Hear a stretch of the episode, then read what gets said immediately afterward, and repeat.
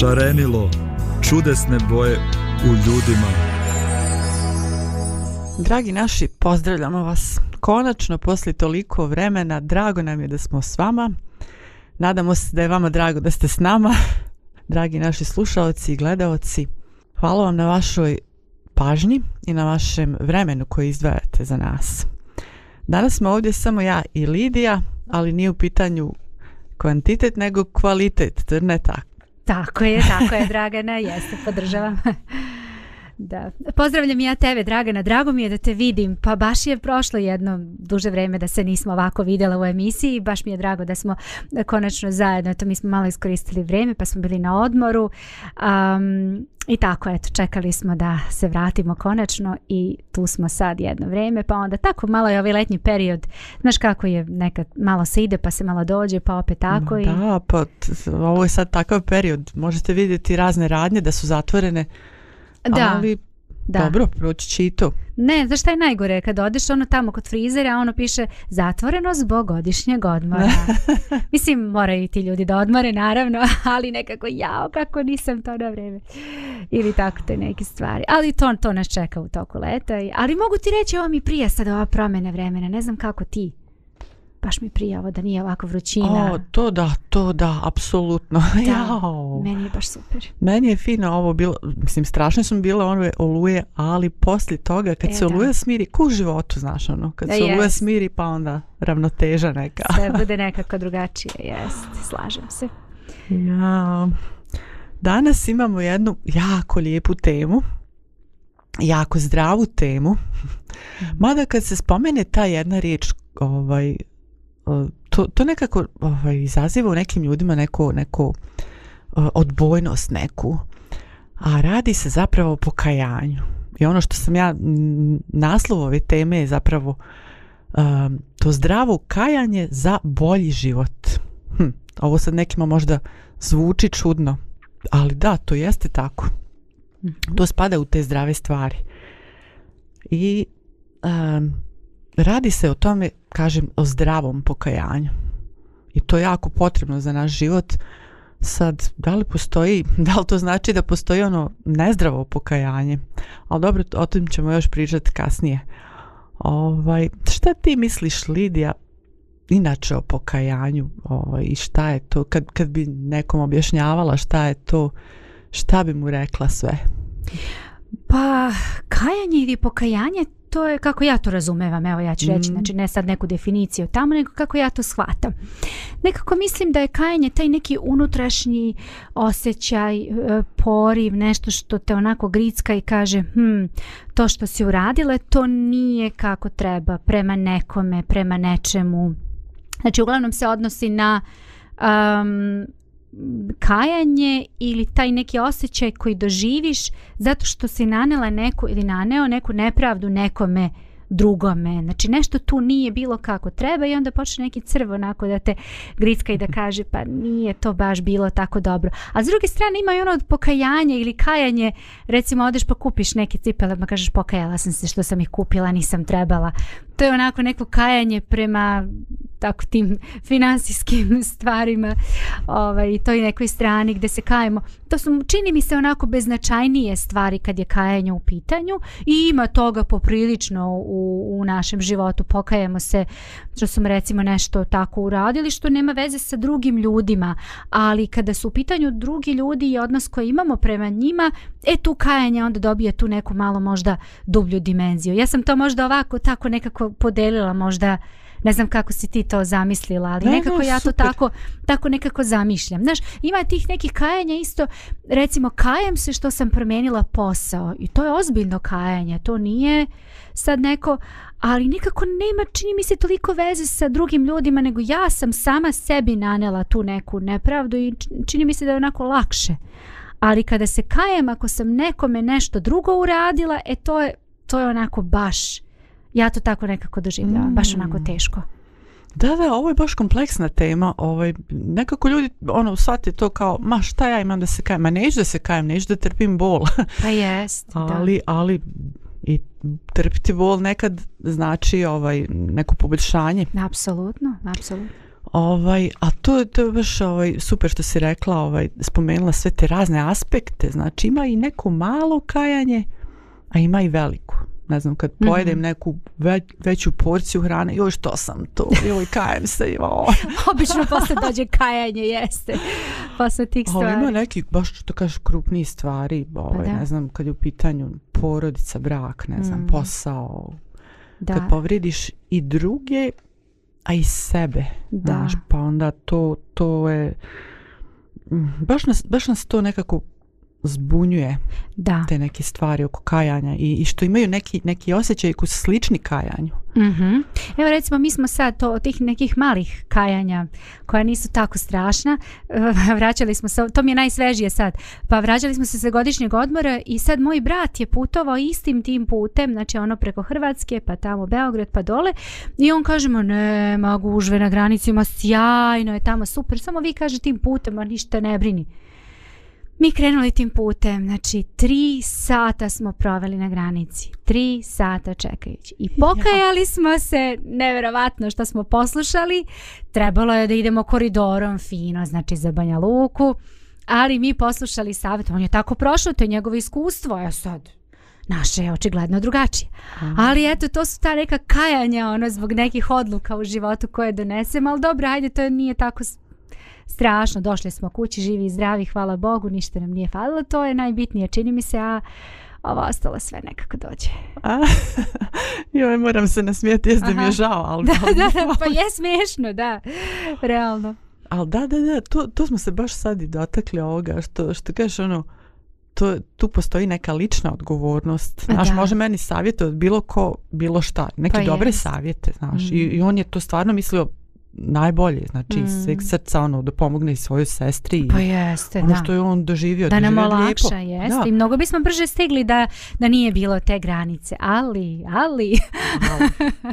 da. A stvar je tome što je bilo na toj jednoj granici i onda na gradišci takođe isto čekanje. Znači, to je, znaš kako je ono mala granica tamo, pa kamioni, pa trebaš ti proći, ne trebaš. Znači, baš je bilo onako. Ali dobro, kažem, to su sve da, neke stvari. Pričali smo ono, dotakli smo se, znaš, ono kao vrijeme godišnjih odmora, pa godišnji je onako i fin, ali da. ima i svoje neke ružne aspekte, recimo čekanje na granici ako negdje putuješ. Tako je. Ali inače, život je ono, kad, kad gledam današnju kulturu, ovu, ovaj, vidim da tu nema nešto, da se ne spominje nešto puno pokajanja, pogotovo u zapadnom mhm. svijetu. Kad otvorite medije i onda čujete i vidite te iste poruke koje vam se upućuju kao što bi Englezi rekli no regrets, znači mm. bez, bez ikakvog kajanja radiš šta ti srce želi. Hmm, da li, da li ne znam kako ti doživljavaš to, da li si primijetila išta u, toj kulturi, da li, da li tako mhm. nešto postoji, mhm. da, li, da li se čini da današnja kultura ne promoviše kajanje ili... ili...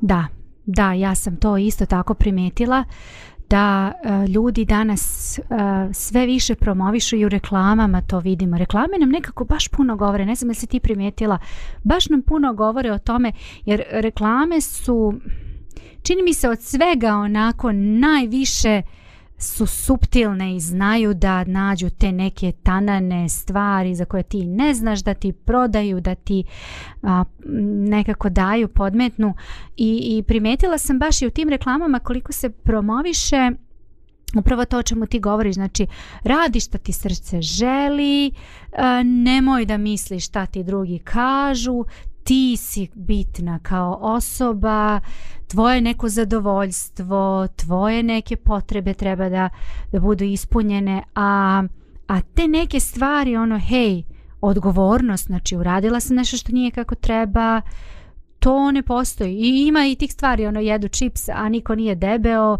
nikome ne smeta, niko ne snima. Znaš, ono uveče svi su radosni, gledaju, jedu se. A ujutru kad se probudiš pa te onda boli stomak ili ti je muka, to kajanje kada koje dođe kasnije, o tome niko ne priča, toga nema, ne postoji. I previše smo nekako okrenuti tim stvarima, znači ja sam u fokusu, a, a neka druga osoba i svi u stvari ljudi koji žive oko nas oni nekako nisu toliko više, tako mi se čini, to je neki moj osjećaj, neka, to je neka onako struja koja ide daleko od toga da nema kajanja u svijetu i da su ljudi stvarno, znači toga postoji i hvala Bogu što toga ima, ali generalno znači nekako taj trend je nekako baš me briga, ono, nisu mi važni toliko ljudi, oko mene jer je važno kako ja to doživljavam. Znači moje shvatanje, ja sam to tako mislila u tom trenutku, ja sam tako postupila ili ja sam tako rekla i to se to se onako promoviše. A to kako drugi doživljava, kako se drugi osjeća, nekako manje, manje smo nekako fokusirani na to. To je neki moj osjećaj. Mhm. Da, da, da. Ovaj, pa, što kažeš, ima još uvijek ljudi koji shvataju to kajanje ili pokajanje radi nečeg imaju svoju ličnu odgovornost, ali eto to se jednostavno promoviše tako. Mhm. To, to je te glasne poruke. One su glasnije od nekih nekih drugih suprotnih poruka. Da. Da, da, da. A nažalost. šta misliš da sad napravimo jednu malu muzičku pauzicu pa ćemo onda da nastavimo o ovoj kompleksnoj temi? Jest, može, može, ide pauza.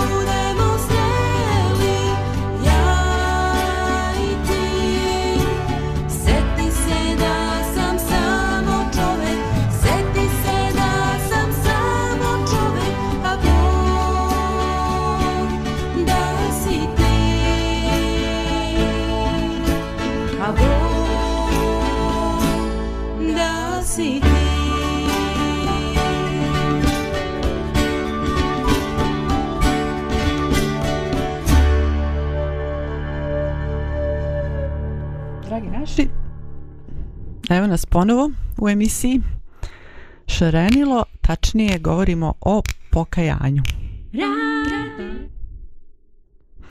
Da, da, imamo i reklamu naravno za, za naš radio. Usred naše emisije na radiju, što je logično. da, sad smo malo pričali o tom ovaj, našem, našoj ličnoj odgovornosti. Ovaj. Sad ima stvari koje nam se dešavaju u životu, ali dogode nam se zato što su takve okolnosti i na to ne možemo baš puno uticati, ali ima oni stvari koje nam se događaju, a mi smo odgovorni zato što smo donijeli takvu odluku. I mi imamo eto neke standarde bez obzira kako su nam niski standardi možda kod nekoga, mhm. ali svako ima neke standarde što se tiče morala i takvi stvari, znači loše i dobro, dobro i zlo. Znači svako u sebi, da li je svjestan toga, da li nije, ne znam, Ovaj, ali svako od nas ima standarde. Neki su viši, neki niži i to je tako jednostavno.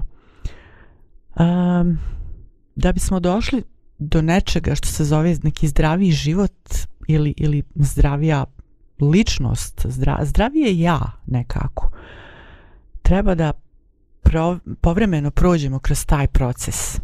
Isto kada želimo, ne znam, da nam mišići budu jači ili fleksibilniji, da nam tijelo bude zdravije, prolazimo neke odemo na možda neki pilates ili teretanu ili šta znam ili na trčanje. E tako isto i sa onim mm, stvarima koje se ne mogu u stvari dotaknuti, to je u nama. Što se tiče naše ličnosti, isto moramo proći kroz jedan proces, ali to je proces ozdravljenja, znači pokajanje. E sad, tu ima više nekih koraka.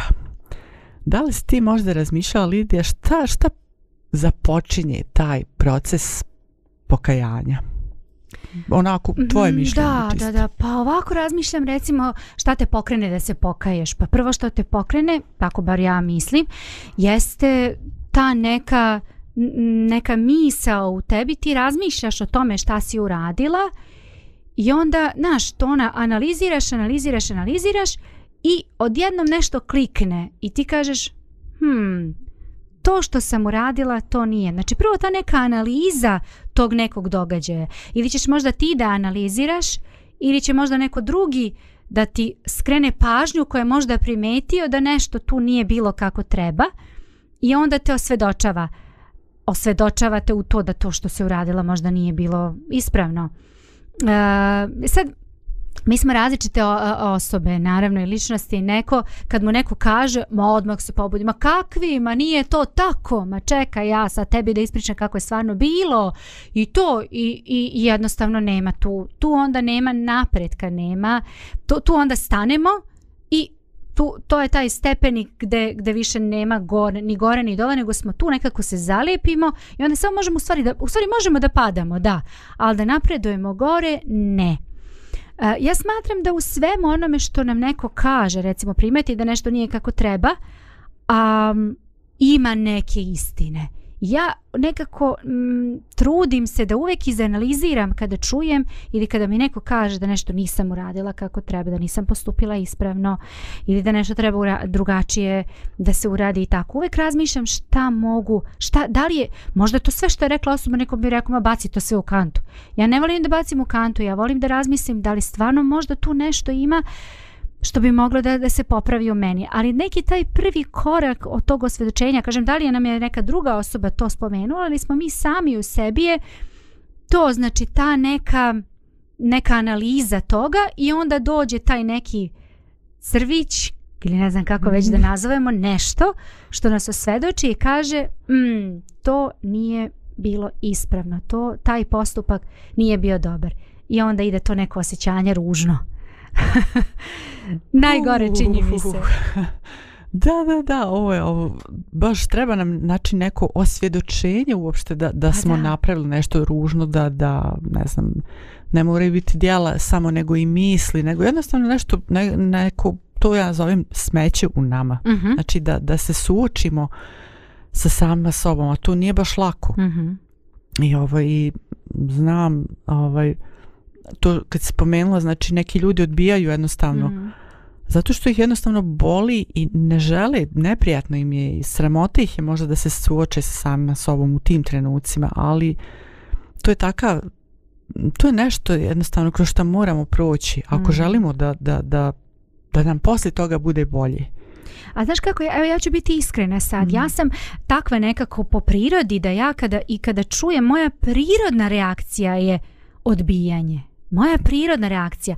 Ali ja nekako, oni koji me stvarno dobro poznaju, znaju da kada mi nešto, pusti je, samo me pusti. Pusti me i mm. treba da prođe neko vreme da ja to sama izanaliziram u svojoj glavi i da ja to stvarno doživim i osjetim. I najčešće je to, ako neko navaljuje, pa navaljuje, pa navaljuje, to je neki zid, znači se stvori kod mene i tu nema više. Ali ja, ja ovaj, radim na tome, znači radim i na sebi i pokušavam nekako da da, da uh, promenim to u sebi, znači kada mi neko kaže da stvarno znači pokušam da, da to odmah da odmah odreagujem kako treba i da stvarno to analiziram i da šta znam, a ne da ta moja reakcija bude onako jer znam da to nije dobro, ja ne mogu da napredujem kao ličnost ako, ako stalno odbijam kad mi se nešto kaže, mislim ne, nema tu napretka jer svi mi smo skloni ka greškama i ka tim nekim postupcima koji možda nisu kako treba, ali toga treba biti svestan i, i raditi na tome. Pa ne znam ko, od nas ovaj, od živih ljudi ikada da, da se nije baš ono nešto uvrijedio kada mu je neko nešto rekao bar pet puta se u životu to treba mm. dobro možda i više. pet puta u toku dana. Samo u toku jednog dana. yes. Ali ovo što kažeš, ono, te neko pritišće, znaš, pa ovaj, i mm. to je, ne možeš jasno da vidiš onda sebe. Jest. I to je onda, onda, onda neka nevolja. A ovaj, šta, šta može da spriječi taj, taj proces? Ti si već nešto mhm. spominjala. Mm-hmm. Znači, Da, da, pa e, postoje ljudi koji, spomenuli smo taj pritisak, postoje ljudi koji ne mogu da funkcionišu ako nema nikakvog pritiska. Ja znam takve.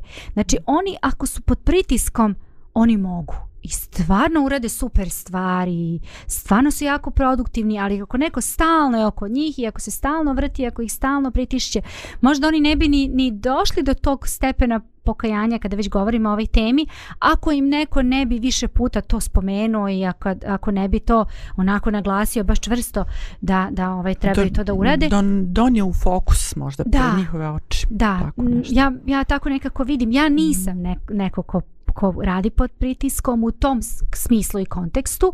Ovaj, ja sam nekako onako osoba koja voli sama da to ovaj, i mislim da su to neke stvari koje mogu možda da nas spreče treba da prepoznamo ko je kakva ličnost i, i ko je kakva osoba i da znamo, ne, ne možemo možda ni svima prići na isti način, niti mm. reći svakome neke stvari, jer to može da bude onda kontraproduktivno i ništa onda nismo uradili. Tako da ne znam šta bi još možda moglo biti.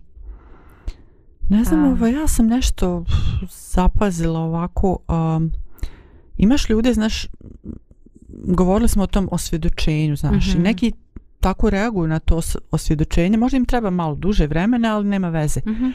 Neki, neki će odmah odgovoriti pozitivno, ali neki jednostavno kad, kad znaju da nešto je loše u njima, uh, jednostavno su ravnodušni, baš je briga. Mm Znači, ne odbijaju ništa, nego da, znam ja to, što? Ne treba me ništa mm ni mhm. namjeravam da mijenjam ništa u sebi. Znači, i to je nek, stavili su neku ogradu i ne idu dalje, nego eto, mhm. Da. A ima recimo i, i, i ljude koji, koji su um, ne znam, potiskuju u sebi uopšte e, bilo šta što ti kaže taj crvić neki koji radi nešto njih osvjedočava da su, ali jednostavno potiskuju to već godinama ili decenijama i, i, stalno mm. su na toj stepenici. Pa znaš kako, to je vrlo neprijatno osjećanje da, da vidiš da nešto nisi kako treba i da trebaš da, da se menjaš ili ti prema samoj sebi ili prema drugim ljudima ili prema Bogu. Znači sve su to neki odnosi koji prema deci, prema, prema različitim sada, u različitim životnim situacijama, ali to je vrlo bolno. Znaš, i ja ne volim da se menjam, ne želim da, da dođe do promjene zato što to onda mora da, ja moram svesno da, da odlučim da ne želim da činim onako kao što sam činila ili radila kao što sam radila i onda moram o tome da razmišljam pa da analiziram svaki moj postupak prema možda toj nekoj osobi. Znaš, često mi ni ne vidimo neko naše ponašanje. Ja sam imala tako neke situacije sa, sa nekim ljudima, ženama, nije bitno, gde, je bilo, gde, gde ja nisam uopšte videla moje, da je moje ponašanje prema toj osobi takvo. Možda je ona to tako doživjela, ali zašto bi se ta osoba osjećala loše? Zašto bih ja nastavila sa tim ponašanjem tako ako, ako toj osobi to ne odgovara? Zašto bih? I onda, onda se nekako trudiš da promeniš svoje ponašanje da bi toj osobi bilo dobro. Ako želiš da taj odnos funkcioniše i da radi, ako ne, to je onda druga priča. Mm da. Tako da ima kompleksne onako priče. da. Možda da napravimo neku još emisiju kasnije, neki naravno, nastavak. naravno, naravno. Ništa, sad ćemo malo da pjevamo i da sviramo uz jednu pjesmu, pa onda nastavljamo i dalje. Može. Ra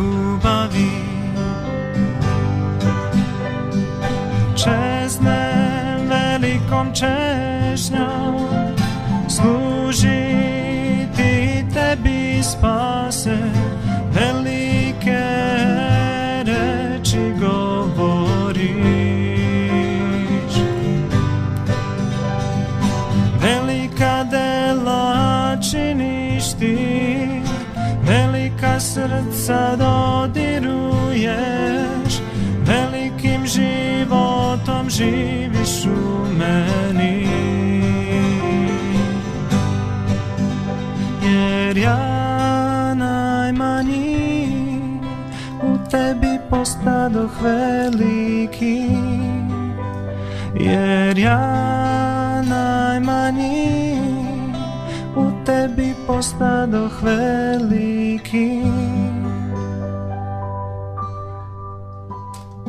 Čeznuo sam dodirivati velika srca A imao sam nevešte usne Čeznuo sam živeti životom A nisam umeo davati Čeznem velikom čežnjom Služiti tebi spase velike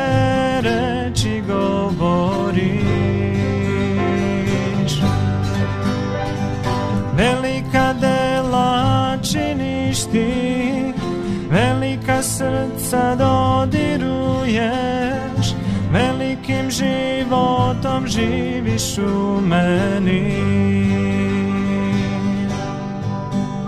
Jer ja najmanji U tebi postadoh veliki Jer ja najmanji U tebi postadoh veliki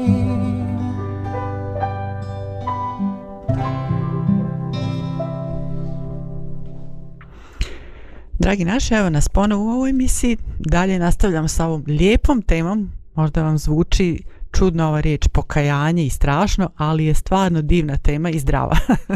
Ostanite sa nama još. Um, spominjali smo i prvi korak taj eh, koji, koji je um, osvjedočenje neko, ali znači da ima još koraka. Znači to nije jedini korak. Um, osvjedočenje u svoje neke loše osobine. Da, to nije jednostavno i zato treba i vrijeme i hrabrost i svašta tu treba. Ali šta je sa ovim drugim korakom? Da, u ovom čitavom procesu e, pokajanja e, potrebno je da se, da se, kada smo već osvjedočeni o nečem lošem, da se učini nešto poslije toga, ali što? šta je to što, što bismo trebali stvari da, da učinimo nakon što osvjedočim, budemo osvjedočeni o nečem lošem u nama? Pa sljedeći logičan korak jeste dobro dogodi se to kajanje što mi kažemo pokajanje kad shvataš znači da je to to da nije dobro i sljedeći logičan korak je učini nešto da, da probaš da to promeniš. najgore što može da se dogodi, dobro, najgore što može da se dogodi jeste da ne shvatimo i da ne dođemo do tog stepena, ali ako već jesmo, sljedeće najgore što može da se dogodi jeste da ne možemo ništa da uradimo. Da je voz prošao, da su se stvari dogodile i da mi ne možemo. Ali ipak ja smatram da u, većini, da kažem nekom proceptu baš veliko, uvijek postoji nešto što se može uraditi. naravno najgore je kad, kada neko više nije živ među nama, a mi znamo da smo uradili neku veliku nepravdu ili nešto što nije bilo kako treba, ali dobro, hajde da izuzmemo sad te situacije, da se fokusiramo i baziramo na, na ove naše realne situacije, dobro i ove je vrlo realno, ali na, na stvari koje, koje se inače dešavaju, da kažemo i svakodnevno i često. Sljedeći stvarno logičan korak se da nađemo priliku i situaciju da, da porazgovaramo možda sa tom osobom ili da pokušamo da to što smo uradili promenimo, ako je kažem, ako je moguće, možda nije uvijek moguće, ali, ali bar da kažemo, ej, izvini, žao mi je, baš nisam dobro postupila, baš sam bila onako... E, I onda naravno mi uvijek objasnimo i svoje osjećanja zašto smo tako uradili, ali bez obzira na to, ipak naš postupak nije bio kako treba. I, i to je onako, e, to, e tu dolazi, znači ovo ono, onaj, čini mi se da je naj, najgori... Um, deo tog procesa to pokajanje, to ružno osjećanje. Ali to kad ti nekome kažeš, to, je, to je već, već počinje onaj melem onako da se skuplja lagano na tvoju ranu koju osjetiš. To je onda baš onako prava stvar. Pa vidiš, ovaj, u mojoj glavi, ovaj, to je, to, drago mi je da si to spomenula, to nije ušte nešto i ono, mislim, da, rekla si neke osobe više nisu ni žive, ni... Da. S nekima smo izgubili kontakt ili šta znam, ne znamo gdje sad žive. Da, da. Ovaj, a, ali svejedno mi smo došli u taj, u našoj glavi je ta svjesnost da smo mi učinili to zlo, da kažem, ili nismo učinili nešto što je trebalo da bude dobro, propustili smo to, ali i to je opet neki pozitivan korak. I poslije te, da kažem, pod navnicima informacije da smo, da smo nešto loše učinili, ovaj, ja doživljavam to kao sljedeći korak da, da u stvari mi bude, da pustim u stvari da mi bude jako žao. Hmm. Da hmm. pustim da, da se sve to izlije, u, čitavo srce onako bude znači otvoreno za to. Kao da stanem čitavim srcem otvorenim onako pred neko gigantsko ogledalo i vidim sebe kako jesam i stvarno da, da, da, da stvarno iskreno se pokajem, iskreno žalim zbog toga što sam učinila ili nisam učinila, a trebala sam.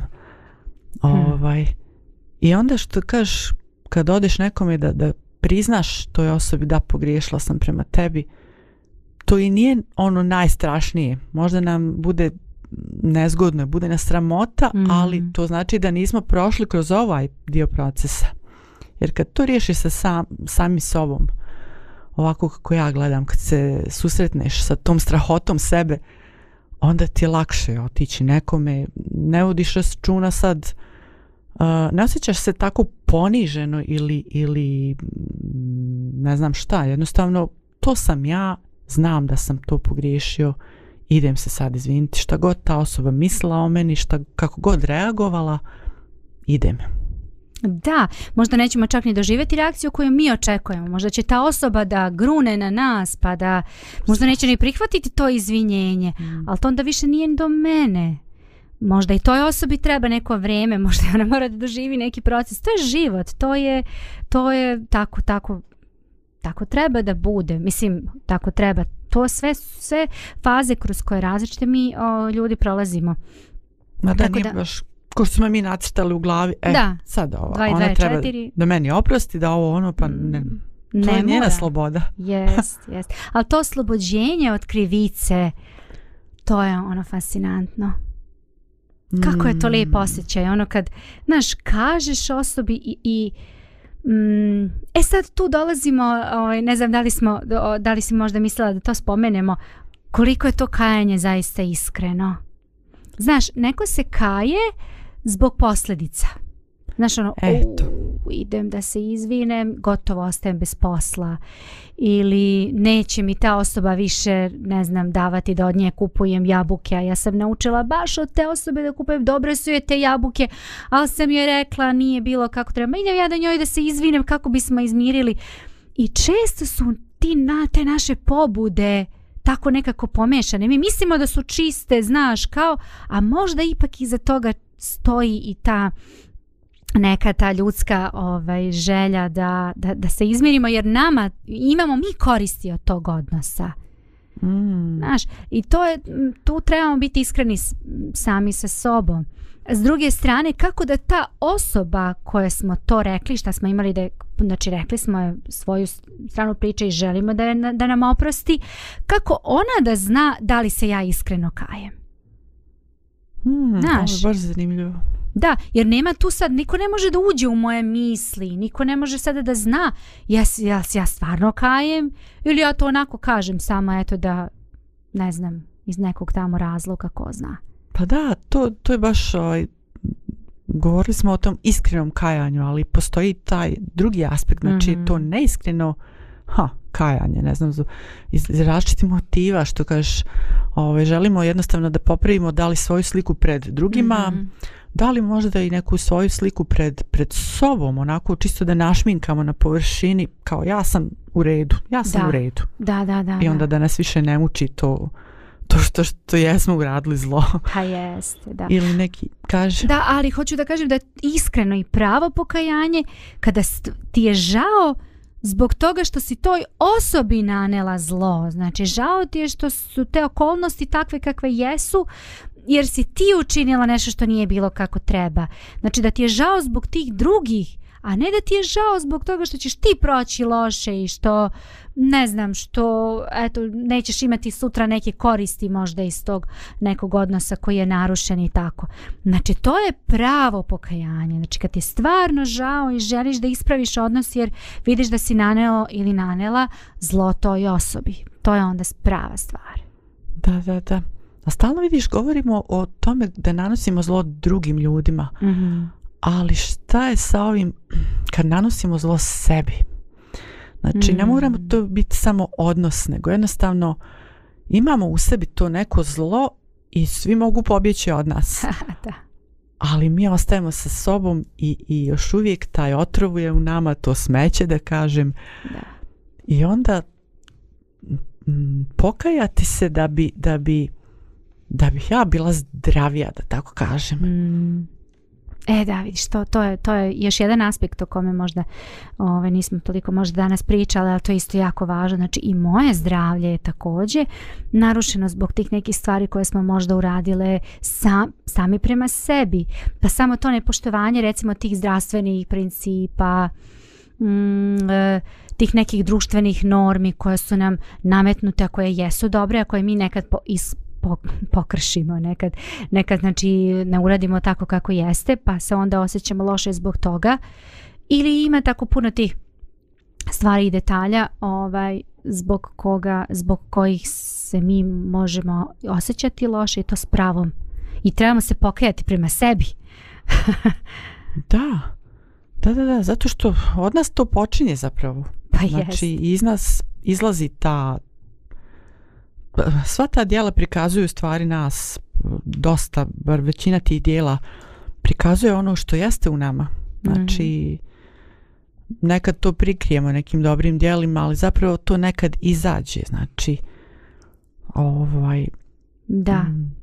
sve, sve što sadržimo u sebi, to će se pokazati. Znači, to utječe na neki način na okolinu. Tako utječemo i na ljude. Ako ne popravimo sebe kroz taj proces ozdravljenja onda, onda zagađujemo nekako i okolinu time ovaj, da. ona nije zdravija pa jest, mm. ima čak i u psihologiji naravno ti ljudi koji nemaju taj osjećaj empatije mhm.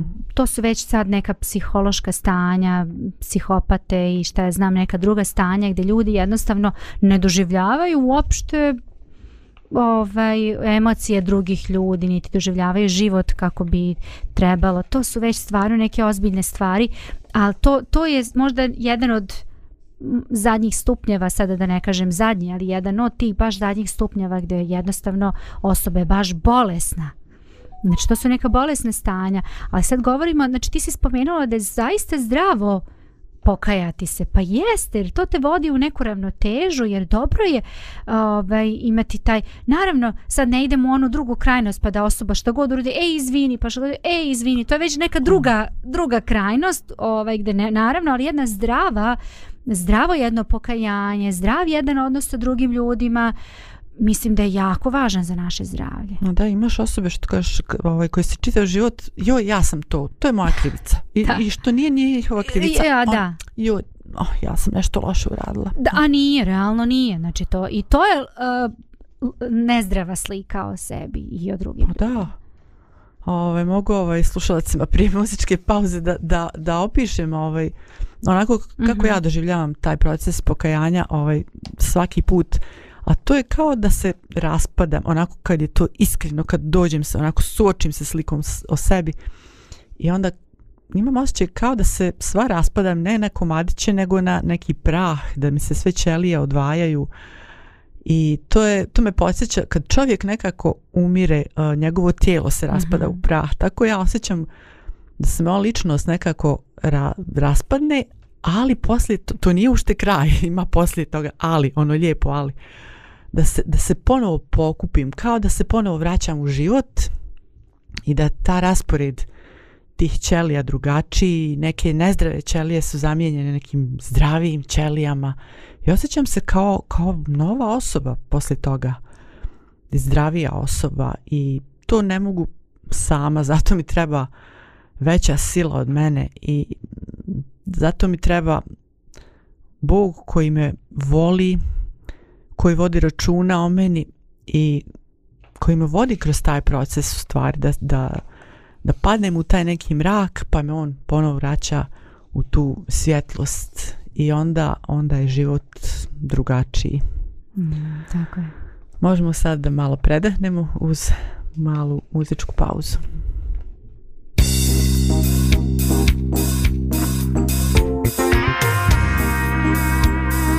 Radio Pomirenje.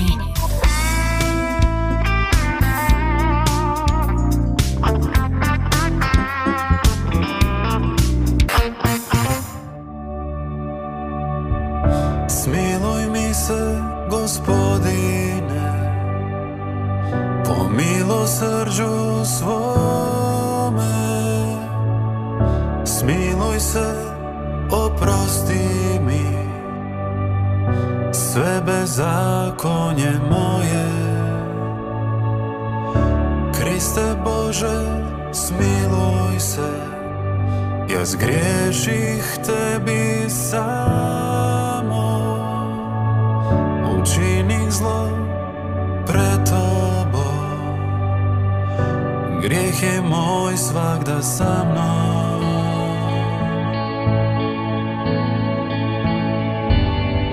srce, stvori mi Bože i duh postojan. Vrati mi radost spasenja i učvrsti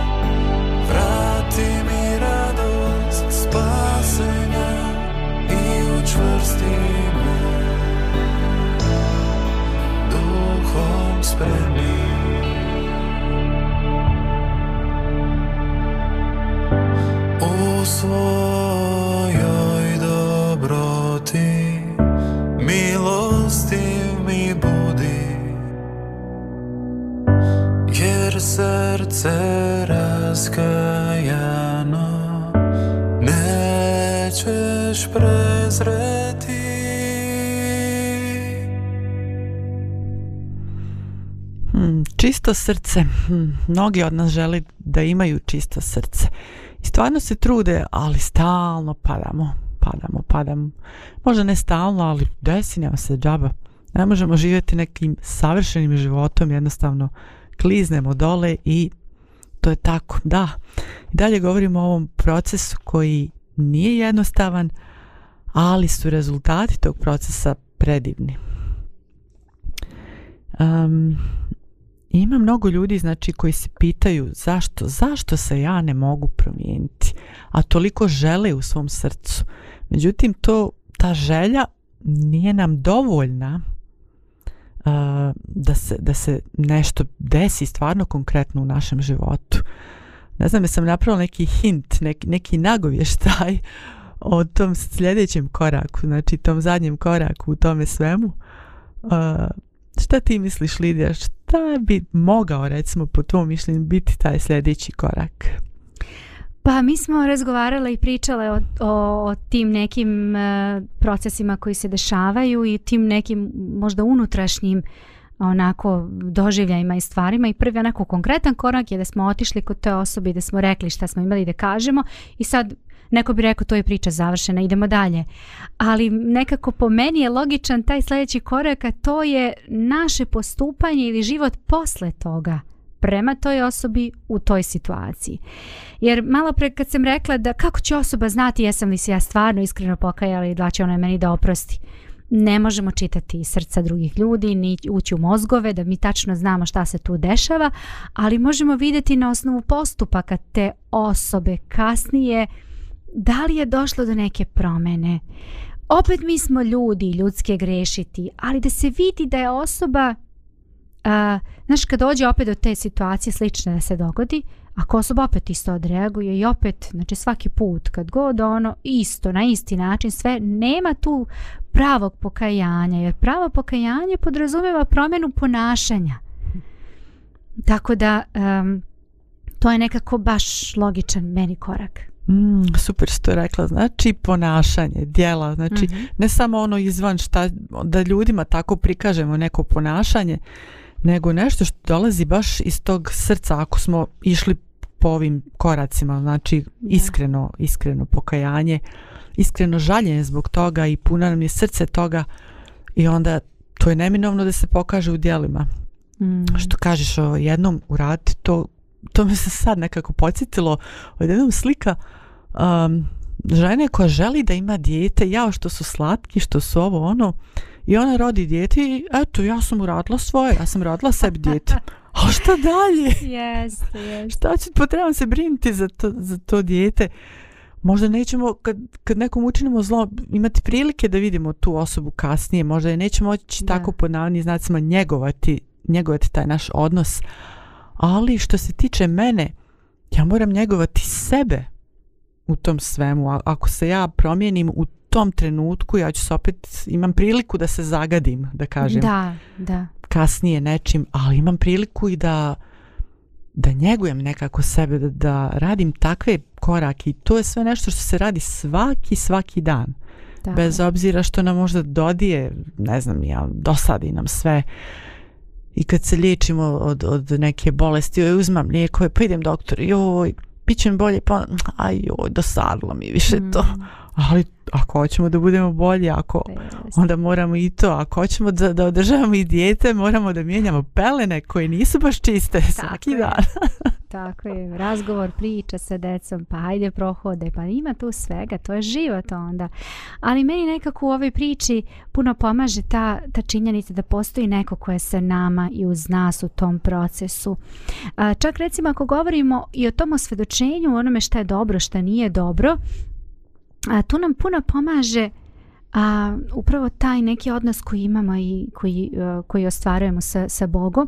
Zašto to sad kaže? E, recimo mi imamo, ti si to spomenula na početku, imamo neki svoj moral i smatramo da nešto moralno ispravno treba činiti, ne treba činiti, ali, ali Bog ti nekako otvori oči pa te mhm. osvedoči još više u te neke stvari koje su onako još subtilnije i još tanje, te možeš da budeš još bolja osoba.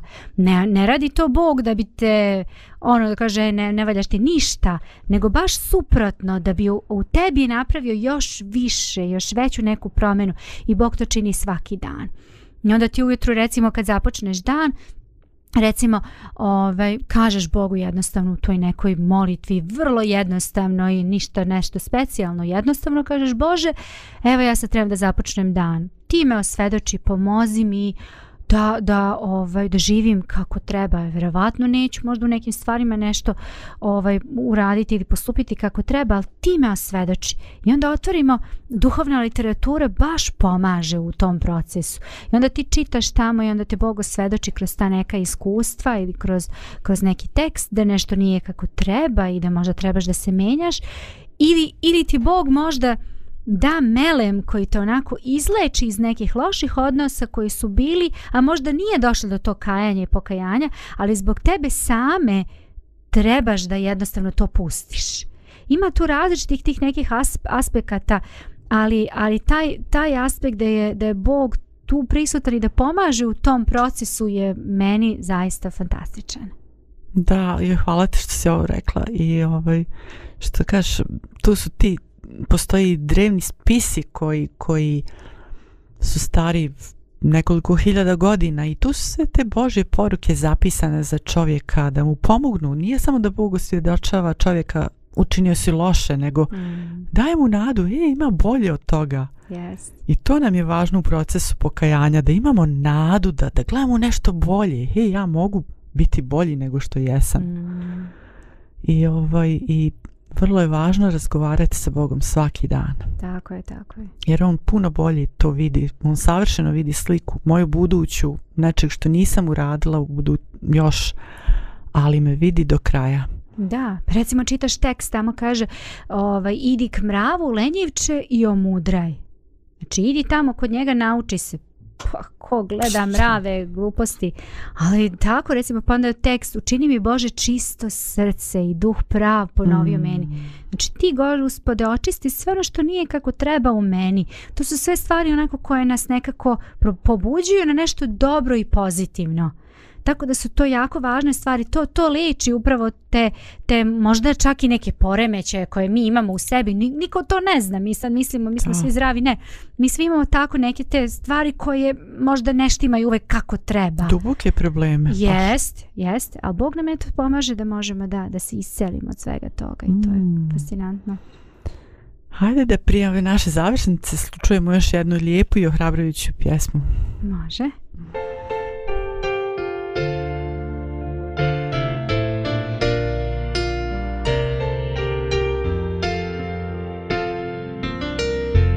servidor lá.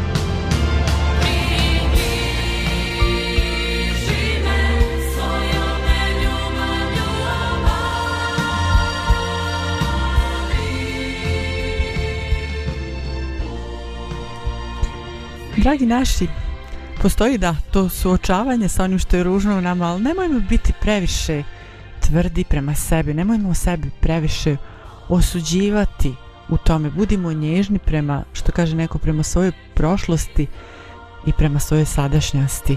Jer i Bog je isto nježan prema nama i jedva čekaš otvorenih ruku i otvorenog srca da mu dođemo. Ja bih samo pročitala ono što je David zapisao u svom psalmu. Žrtva je Bogu duh skrušen. Bože, ti ne odbacuješ srca skrušena i poništena. Ne zaboravite ovo, dragi naši. Slušamo se uskoro.